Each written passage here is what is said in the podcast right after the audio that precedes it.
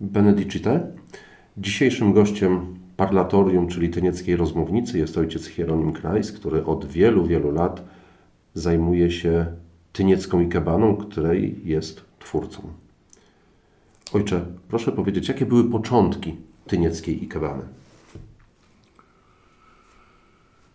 Początki tynieckiej ikebany sięgają 1990 roku. Po święceniach kapłańskich pojechałem na praktykę e, duszpasterską do Lubinia. To był rok 1989.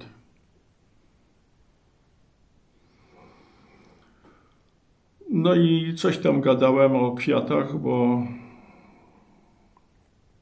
przed wyjazdem e, na tą praktykę układałem kwiaty w tyńcu jeszcze po staremu, bo człowiek wszystkiego sam nie wymyśli. Więc w związku z tym, że widziałem takie, a nie inne rozwiązania na ogół w Polsce, no to próbowałem coś tam zrobić, ale wychodziło mnie, mi mniej więcej to samo. Dopiero w Lubiniu spotkałem się z ludźmi, którzy przyjeżdżali na medytację do ojca Jana Berezy. Między innymi przyjeżdżała tam jedna z pani z Warszawy. Jak usłyszała o tych kwiatach, to powiedziała, że spróbuje zobaczyć, co się da zrobić. No i na początku 1990 roku przyjechała na następne spotkania medytacyjne z podręcznikami z Ikebany e, szkoły Sogetsu i paroma albumami wypożyczonymi z ambasady Japonii w Polsce, w Warszawie. Jak zacząłem przeglądać te podręczniki, to zrozumiałem, że mam to, czego szukałem. Popatrzmy na możliwości, które nam daje to, co znamy z własnego poletka. Nie? Znamy wianek, znamy kulę, ja ją nazywałem balonem, równo nadmuchane musi być. Znamy wiechę, choćby zakończenia robót na dachu. Znamy snopek. Celem snopka było ustawienie wszystkich kłosów na jednakowej wysokości, bo przy młóceniu chodziło o młócenie e, kłosów, a nie słomy. Więc jeśli robiło się kompozycję na tej zasadzie, że brało się grupę goździków, ustawione główki na tej samej wysokości, potem się ciachało na dole nożem, i wrzucało się to ładnie do wazonu, no to to się tak ładnie rozłożyło i mieliśmy właśnie taki snopek tylko w naczyniu. Nie? Do tego wszystkiego mamy jeszcze co region to palmę. To, to są nasze wynalazki. Ja się pytam, co tym można zrobić. No można zrobić to, jak się to na, robi, na ogół robi w kościołach. Nie, jak jest wspomnienie, to są o, o, dwa bukiety, jak jest święto, to jest cztery, a jak jest uroczystość, to jest sześć. I to tak wygląda jak wstawienie bardziej dekoracyjnych stołków na bardziej okazałą liturgię. Ma to wszystko ozdabiać kościół, ma się podobać albo się nie podoba, ale to jest wszystko, co kwiaty mogą zrobić. Podoba się albo się nie podoba. Natomiast kiedy spotkałem e, kompozycje japońskie, to zauważyłem, że kompozycja ma charakter otwarty. To znaczy? Czyli wychodzi z zamkniętych figur geometrycznych. To nie musi być koło. To nie musi być trójkąt, ani kwadrat, ani prostokąt. To tak wygląda, jakby z całego koła zostały wyselekcjonowane trzy linie, które mają określony kierunek. Pierwsza linia główna jest linią prowadzącą, druga wspomagająca i ta pierwsza linia najczęściej u, u nich oznacza niebo. Druga linia główna oznacza człowieka, a trzecia ziemię. Oni najczęściej uważają, że główne dwa style podstawowe to jest styl podstawowy pionowy i podstawowy ukośny. Reszta to są pochodne. Ale zauważyłem wyraźnie, że tam są mimo wszystko cztery kierunki. Ja w swoich założeniach zakładam, że kierunki są cztery i wszystkie cztery biorę jako o, style podstawowe. Pionowy, ukośny, horyzontalny i kaskadowy. Łatwo sobie to uświadomić, jak się ogląda drzewo, które sobie normalnie rośnie. Pierwsza główna gałąź idzie dokładnie po pionie. Jak ona zajmie pion, to na ten pion już następna nie wejdzie. Ona musi pójść troszeczkę w bok, żeby tamtej zostawić miejsce. I tak się powoli to odchylasz, w którymś momencie dochodzi do 45 stopni. Nie? No powiedzmy, że te 45, to jak w szkole Sogetsu, to jest styl ukośny. Styl ukośny pokazuje, że e, wszystko jest jednak pod pewnym wysiłkiem. Gałąź się tam za dużo nie, wysi nie wysila, bo ona e, idzie do światła e, po takiej przestrzeni, jaką ma wolną. Skoro inne odcinki są zajęte, to ona idzie tam, gdzie jest światło. Nie? Na pewnej wysokości będziemy mieli gałęzie, które idą dokładnie bokiem, e, niemal równolegle do o, o ziemi. Ziemi. Nie? Mamy styl horyzontalny. Ale najstarsze konary, czasem bardzo ciężkie, schodzą jak kaskada w dół i dopiero na końcu się podnoszą lekko w górę. Nie? Dla mnie to był bardzo prosty klucz. I pierwsze kompozycje powstawały dokładnie w oparciu o te cztery kierunki. Chodziło tylko o to, żeby dostosować te kierunki do akcji roku liturgicznego w określonych okresach. Przykładowo, zejście Syna Bożego na ziemię, styl kaskadowy. Ale do stylu kaskadowego pójdzie tak samo zesłanie Ducha Świętego.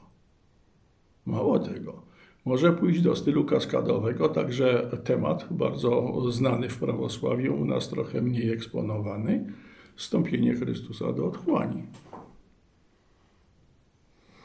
Styl pionowy doskonale się nadaje na zobrazowanie takich rzeczy jak modlitwa, która idzie w górę, nie pełza gdzieś na dole, tylko idzie w górę. Hymn Magnificat, który tryska serca Maryi przy nawiedzeniu świętej Elżbiety, idzie w górę. Nie? Ale w górę pójdzie też e, e, w innym wymiarze, e, w niebowstąpienie. Samo zmartwychwstanie może być też pokazane jako wyjście z grobu w górę. Nie? I to są tematy, które się doskonale do tego stylu nadają. Jak chcemy pokazać jakiś pewien wymiar, wymiar trudu, to bierzemy ten styl ukośny. Jak człowiek bierze 100-kilogramowy worek na plecy, to raczej nie będzie e, kręgosłupa trzymał w pionie, bo go ten e, worek położy zaraz na podłodze. Żeby dźwignąć worek, to trzeba się nachylić. Trzeba zrównoważyć ciężar, który się dźwiga. Stąd się bierze ten styl ukośny, dźwiganie krzyża. Jedno z podstawowych zadań ucznia. Nie? Chrystus idzie pierwszy, ale kto chce być jego uczniem, ma wziąć swój krzyż i za nimi go naśladować. Styl horyzontalny znowu jest właśnie do tego, żeby pokazać rozejście się na trzy strony. Ponieważ mamy tylko trzy linie główne, no to nie ma czterech stron świata, ale cechą charakterystyczną tego stylu jest e, rozstawienie linii w obrazie z góry co 120 stopni. Bardzo dobry temat, który pokazuje na przykład rozesłanie uczniów. Najpierw na praktykę duszpasterską, kiedy ich Jezus wysyła po dwóch, potem 72 rozesłanych jako rozszerzony krąg i wreszcie rozsyła wszystkich na końcu po to, żeby zanieśli Ewangelię na krańce świata. W momencie, kiedy mamy e, kierunki mamy możliwość budowania komunikatu, który jest dosyć konkretny i czytelny. Jeśli go dostosowujemy teraz zgodnie z kierunkiem akcji w określonym roku, okresie roku liturgicznego, mamy w miarę czytelny komunikat. Jak ja się biorę za pracę nad e, kompozycją, to ja nie zaczynam od wyjazdu na giełdę. Na giełdzie jest dużo materiału. Ja, jak jadę na giełdę, muszę wiedzieć, co ja potrzebuję. Żeby zacząć pracę nad przygotowaniem kompozycji, to ja biorę lekcjonarz, biorę mszał i czytam. Czytania, modlitwy. Patrzę na o, jakieś przesłanie symboliczne w określonym okresie liturgicznym, jeśli jakieś jeszcze występuje, bo coraz mniej tego jest. I moim zadaniem jest najpierw wydobyć orędzie e, z czytań mszalnych i modlitw, które będą czytane i wygłaszane w czasie liturgii, i przełożyć to orędzie na obraz, czyli na kompozycję. Jeśli się obraz połączy ze słowem, przekazywalność materiału sięga do 70%. O tym bardzo dobrze wiedział Jezus. Nie musiał czekać na nasze czasy. Dlatego najczęściej, jak pokazywał tajemnicę królestwa, to posługiwał się przypowieściami, w których był zamknięty obraz i to najczęściej wzięty z codziennego życia. Więc te rzeczy wracały do ludzi, ile razy wracały czynności, o których Jezus opowiadał. To ma niesamowitą siłę. Bo jak się mówi same gołe słowo, jeszcze jest to dosyć abstrakcyjne, no to można o tym zapomnieć. Natomiast rzeczy, które się dobrze zna, widzi i rozumie, ze słowem związane, idą bardzo głęboko. Mnie nie obchodzi samo upiększanie przestrzeni. Mnie interesuje związanie kompozycji z orędziem. Ojcze, ale skąd pomysł na ikebanę? To wydaje się kulturowo dość odległe od naszej tradycji. Rzeczy proste się ciągle spotykają. Monastycyzmów jest cała fura to mnisi wypracowywali e, styl życia, w którym redukowało się bardzo dużo rzeczy, e, z których reszta świata nie rezygnowała. Nie chodziło o żadne wystawne życie, raczej ubogie środki. Pustelnik nie miał co szukać na pustyni z pomysłami na wystawne życie, bo warunki na pustyni nie, nie w tę stronę szły. Prace były proste, zajęcia były proste Główna siła to było połączenie e, modlitwy z pracą na własne utrzymanie i związek e, z czytaniami e, u chrześcijan. Podstawa to Pismo Święte. W innych nurtach monastycyzmu są inne podejścia, ale zasadniczo ten rys taki bardziej ascetyczny, bardziej skupiony na istocie sprawy, a nie na jakichś tam pozorach, jest jakoś charakterystycznie powtarzalny.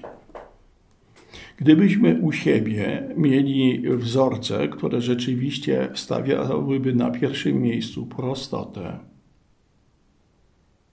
prawdę, raczej formy e, małe, a nie okazałe i, i nie wiadomo jak kunsztowne, to mielibyśmy inne narzędzia do dyspozycji. Właśnie dlatego wybrałem e, e, na początku swojej drogi szkołę Sogetsu, bo to były kompozycje najprostsze, najbardziej e, uniwersalne. Oni mieli zresztą takie proste hasło: ktokolwiek, gdziekolwiek i z czegokolwiek może układać ikebanę w szkole IKE, no bo już tak e, e, z czegokolwiek się nie dało, gdziekolwiek też się nie dało. I jednak trzeba było mieć coś i wbite w głowę solidne reguły obowiązujące, żeby to było tym, co ma być. No ale e, IKE, no bo to są inne czasy, a Sogetsu to była naj, najmłodsza szkoła wtedy. I właśnie te najmłodsze były najbardziej otwarte na rzeczy. I tak o, o, ciągle wpadałem w, konf w konflikty ze szkołą, o, dlatego że na potrzeby y, moje ośmieliłem się robić y, korektę w schematach. O tego Japończycy nie tolerowali. Tylko oni ustawiali e, swoje regułki po swojemu, pokazując, jak powinno być. Natomiast w Ewangelii czasami mamy, czasami mamy takie sytuacje, w których Jezus pokazuje, że wcale nie jest jak powinno być, jest grubo nie w porządku. Czyli obowiązujący schemat nie działa, bo powstaje coś zupełnie innego. No i największa wojna, jaka była z Japończykami, to był spór o przekształcenie schematu rozdzielonej jedności w stylu podstawowym pionowym, za pomocą którego ja pokazałem nie rozdzieloną jedność, tylko ewidentną wrogość. Skąd się to wzięło? Przypomnijmy sobie, w momencie, kiedy wraca młodszy syn, który roztrwonił majątek, wraca do domu, ojciec urządza ucztę i to bez czekania na powrót starszego syna. Starszy wraca z pola, dowiaduje się od sług, co się dzieje i nie chce wejść. Ojciec go zaprasza, bo uczta jest dla wszystkich, nie tylko dla tego, co wrócił, więc także dla niego jest uczta, ale ten nie chce z tym wszystkim mieć nic wspólnego. Jemu przez gardło nie przechodzi mój brat, jemu przechodzi przez gardło ten syn twój. Nie. Zamiast e, otwarcia na pojednanie mamy wyraźną kontrę. Przypowieść nie kończy się wiadomością, że wchodzi. Zostaje zawieszona na zasadzie ojciec próbuje tłumaczyć e, starszemu, a starszy e, wykorzystuje słowa ojcu, ojca przeciwko niemu, nie zgadzając się na wejście na ucztę. No i oczywiście od Japończyków na swoją propozycję usłyszałem, że tak nie może zostać. Ja odpowiedziałem na to genialna intuicja, powiedzcie mu, żeby się nawrócił. Oczywiście nic z tego nie zrozumieli, ale tu się rozeszły nasze drogi. Doszedłem do wniosku, że zamiast ciągłych utarczek o jakieś przekształcenia w takim czy innym wariancie, lepiej zostawić to, co robią Japończycy Japończykom, a trzeba zabrać się za robienie tego, co mi dyktuje Ewangelia. Na przykład na wariancie czwartym e, stylu podstawowego pionowego, gdzie jest wyredukowana druga linia główna, jest tylko napięcie między pierwszą linią i trzecią. Zbudowałem kompozycję, która pokazywała gwiazdę mędrców, która mędrcom wskazuje dom, w którym jest szukany Mesjasz. Od, u Japończyków byłoby to znowu nie do przyjęcia, bo niestety były konieczne pewne zmiany przestrzenne, żeby podkreślić, że e, to jest po prostu pokazanie domu, pokazanie miejsca i wskazanie, że tam Jezus w tym domu mieszka, a nie będzie z niego uciekał jak wymagałyby układy linii e, w wariancie czwartym. Nie? Niestety, ile razy się wchodzi w konkretną sytuację, są konkretne e, reguły, które wywracają do góry to, co wymyślili Japończycy, bo oni nie do tego używali określonego schematu. Style podstawowe, ich warianty służą w, w Japonii do uczenia ludzi e, ikebany. Tu chodzi o kwestię tego rodzaju, że uczą się obliczać proporcje linii, uczą się osadzać materiał w określonej pozycji przestrzennej, uczą się doboru materiału, pokazywania materiału od tej strony, od której trzeba wszystko jest po to, żeby opanować technikę do perfekcji, żeby potem, kiedy się będzie przechodziło do stylu własnego, autorskiego, człowiek nie miał problemów z osadzeniem linii w taki, a nie inny sposób. Musiało być wszystko opanowane do perfekcji.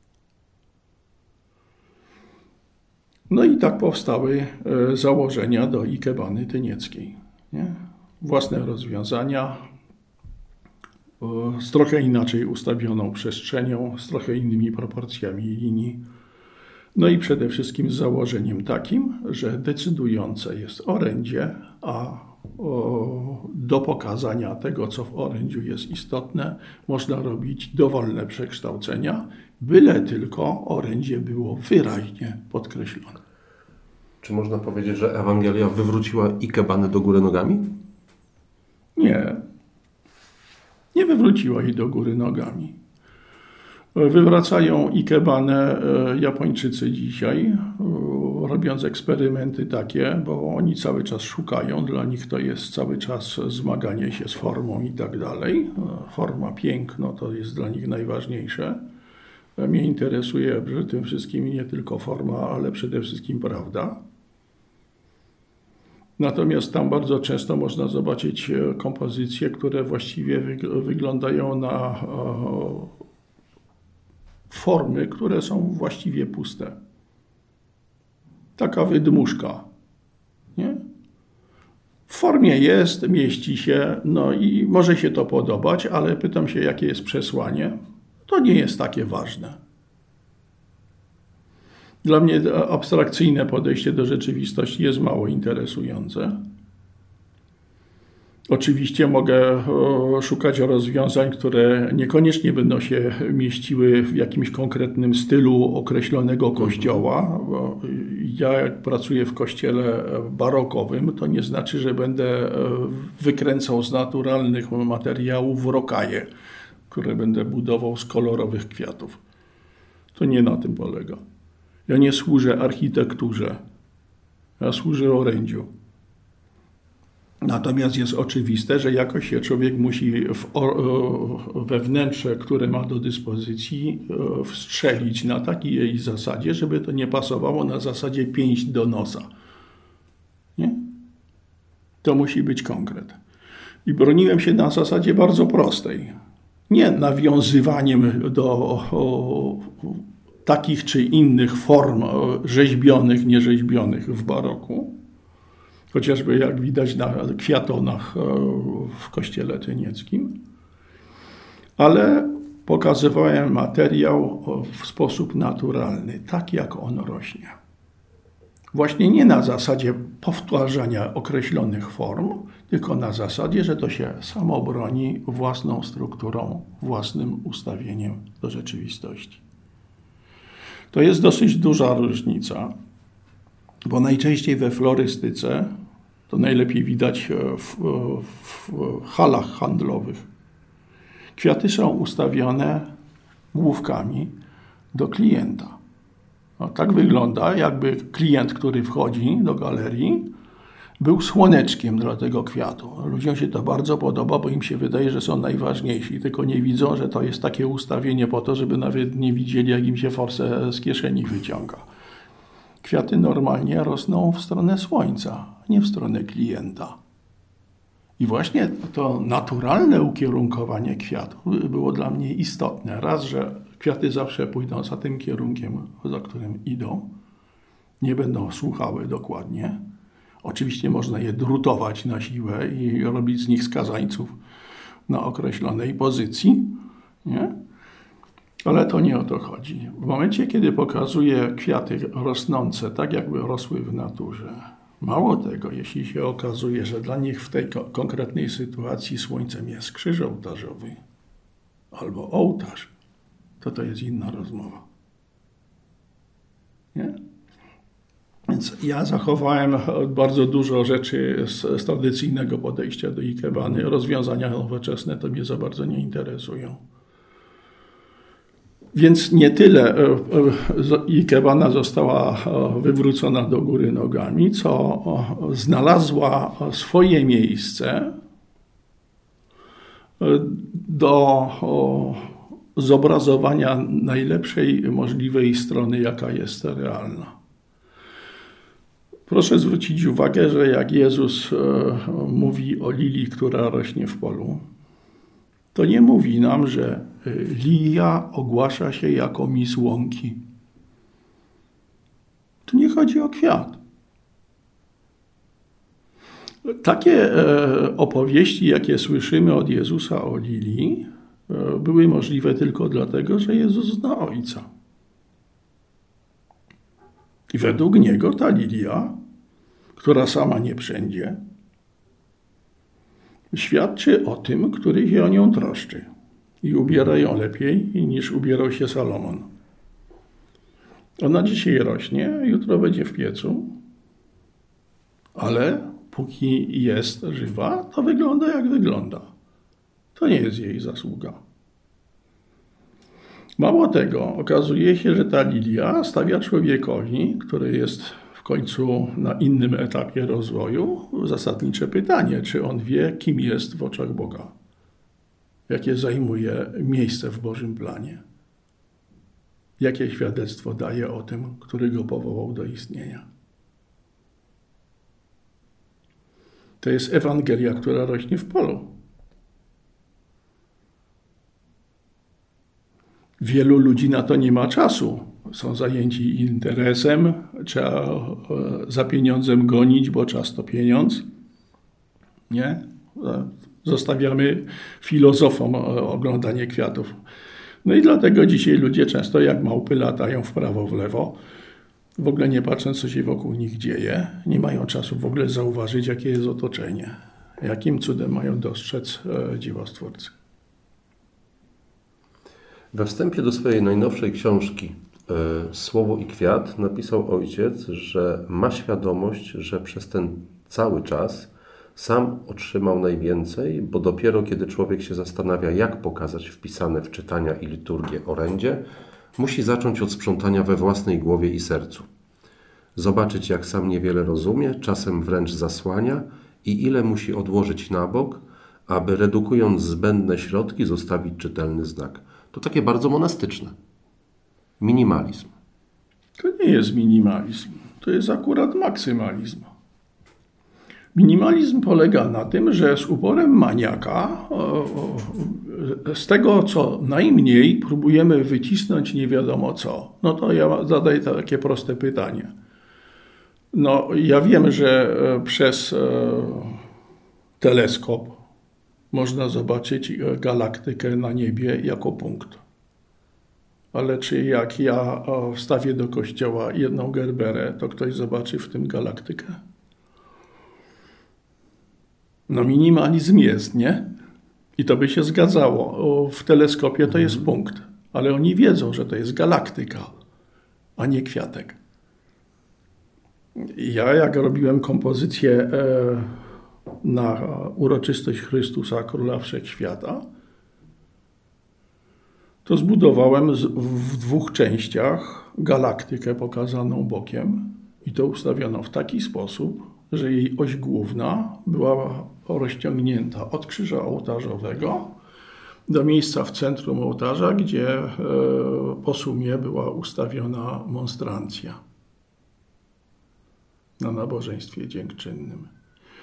W sumie widać, że osią nośną galaktyki jest Chrystus w tajemnicy śmierci i Eucharystii. Nie da się tego pokazać jednym kwiatem. Dlatego mnie nie interesuje, czy ja e, będę musiał kupić pół giełdy, czy mi wystarczy jedna lilia, bo wszystko zależy od tego, co do czego. Natomiast dla mnie jest jedno najważniejsze. To, co jest e, w czytaniach, musi być wyraźne. Mnie do pokazania ubogiej wdowy wystarczy jedna lilia. Mało tego, jeszcze z niej wyłamię dwa płatki.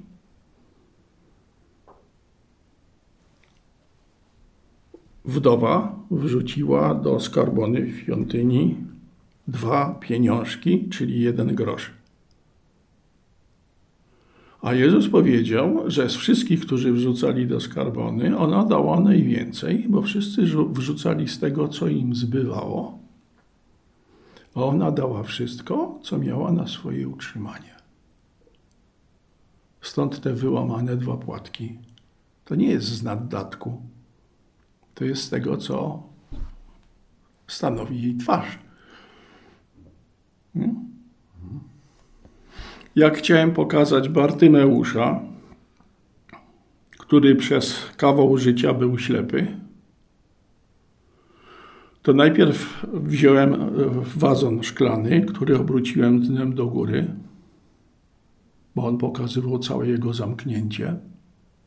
Na tym wazonie postawiłem dopiero drugi obrócony normalnie, także można było do niego nalać wodę. I na kubarii krzyżowym, czyli dwie belki wykrzyżujące się pod kątem prostym, osadziłem e, jedną główkę hortensji. Dlaczego hortensji, a nie lilii na przykład? Bo lilia czy róża e, ma przód i tył. Nie? Patrzy w jedną mhm. stronę. Natomiast hortensja ma oczy dookoła głowy. Bartymeusz, który był ślepy, nie tylko odzyskał zwykły wzrok, więc mógł widzieć, co się dzieje dookoła, ale on dostał jeszcze wzrok wiary. Dlatego mówi Ewangelia, że szedł za Chrystusem drogą.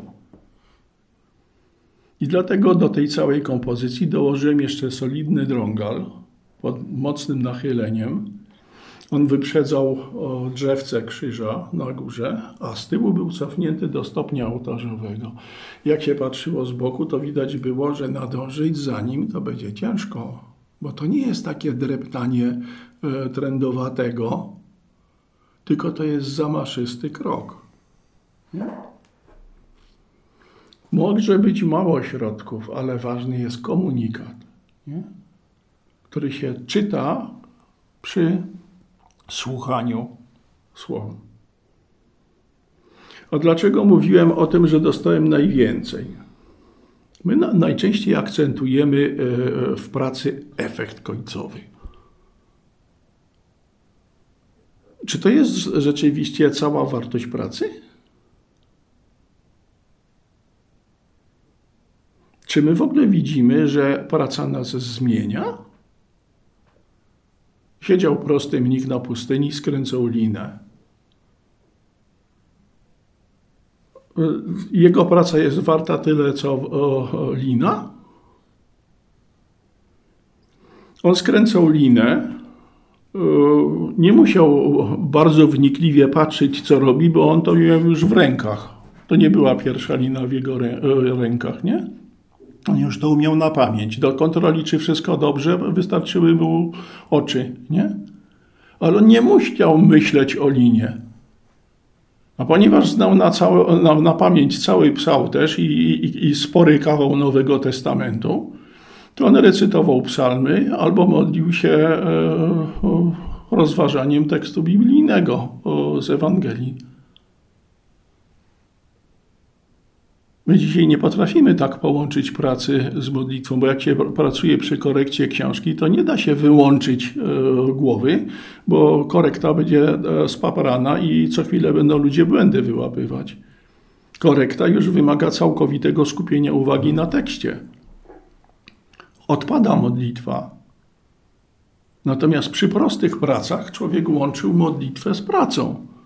Był zupełnie inny kaliber rzeczywistości. Druga sprawa jakąkolwiek pracę człowiek robi, to ona czegoś od niego wymaga, coś tam w nim zmienia, coś kształtuje. Uczy się człowiek cierpliwości. Siedzi, próbuje ustawić te kwiaty, wiecznie mu tam uciekają, nie w tą stronę, nie w tą stronę. Dopóki nie zrozumie, na czym to wszystko polega, dopóki nie opanuje techniki tak jak trzeba, bez dodatkowych zbędnych podpórek ma stać tak jak powinno stać to człowieka też uczy jakiegoś tam szacunku do materiału, jakiegoś cierpliwego opracowania nad tym, co się robi. Wymaga też dużo jakiegoś zaangażowania w to wszystko, ogarnięcia całości. W sumie okazuje się, że jak człowiek zaczyna układać e, te kwiaty, to nawet nie zauważa, jak te kwiaty układają jego. W jaki sposób? Chociażby właśnie przez to, żeby zobaczyć sens.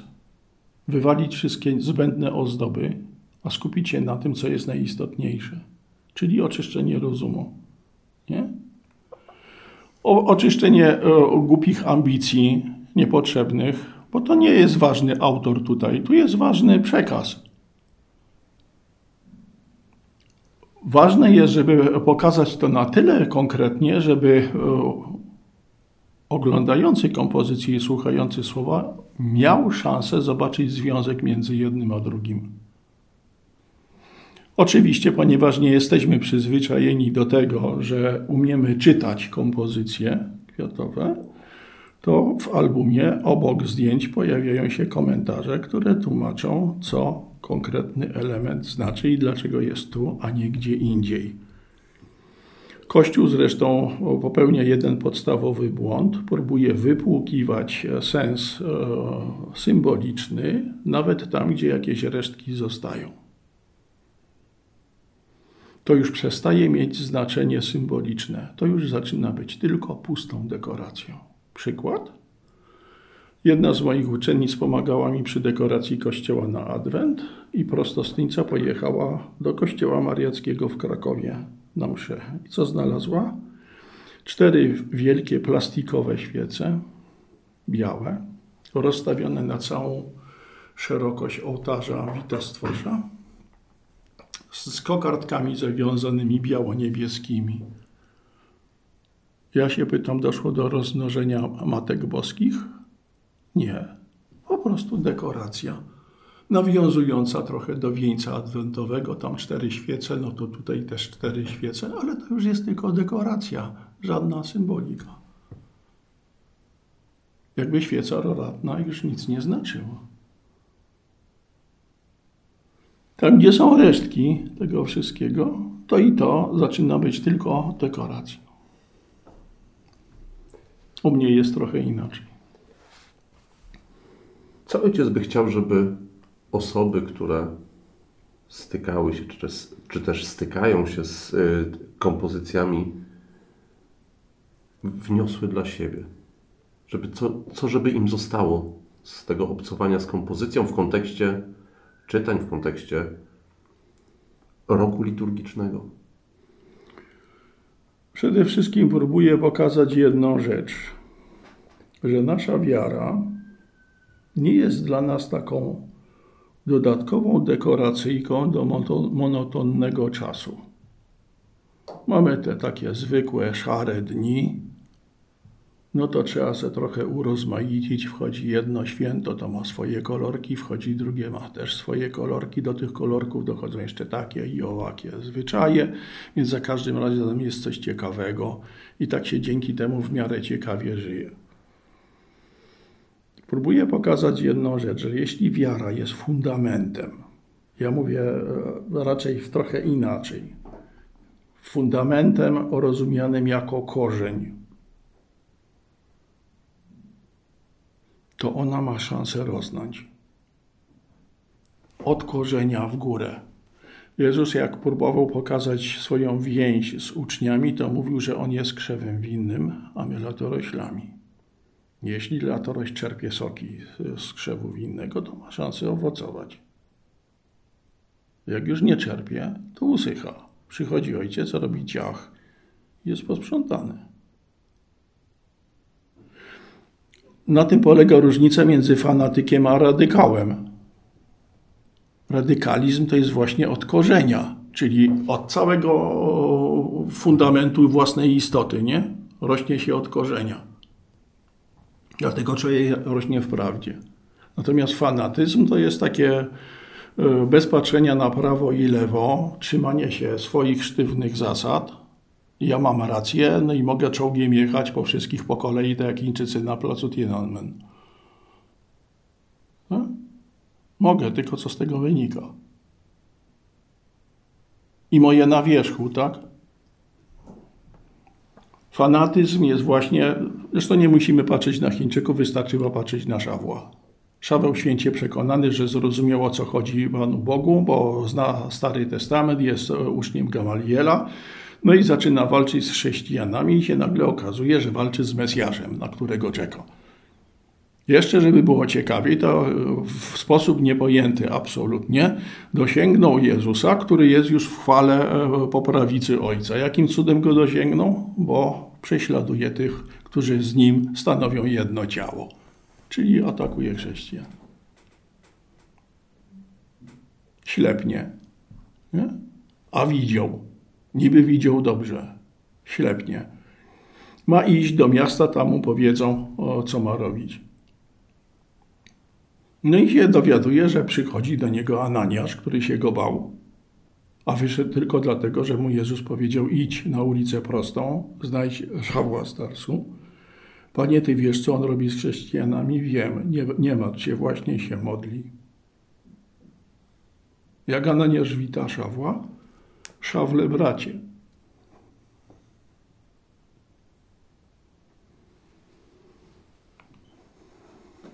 Potem go chrzci, zdejmuje mu te łuski z oczu, nie? Najpierw, potem go chrzci.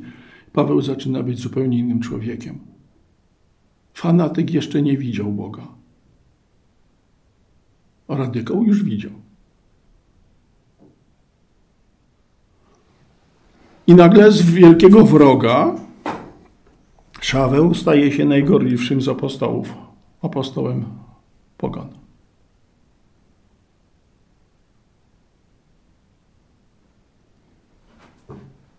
Ojcze, bardzo serdecznie dziękuję za to dzisiejsze spotkanie.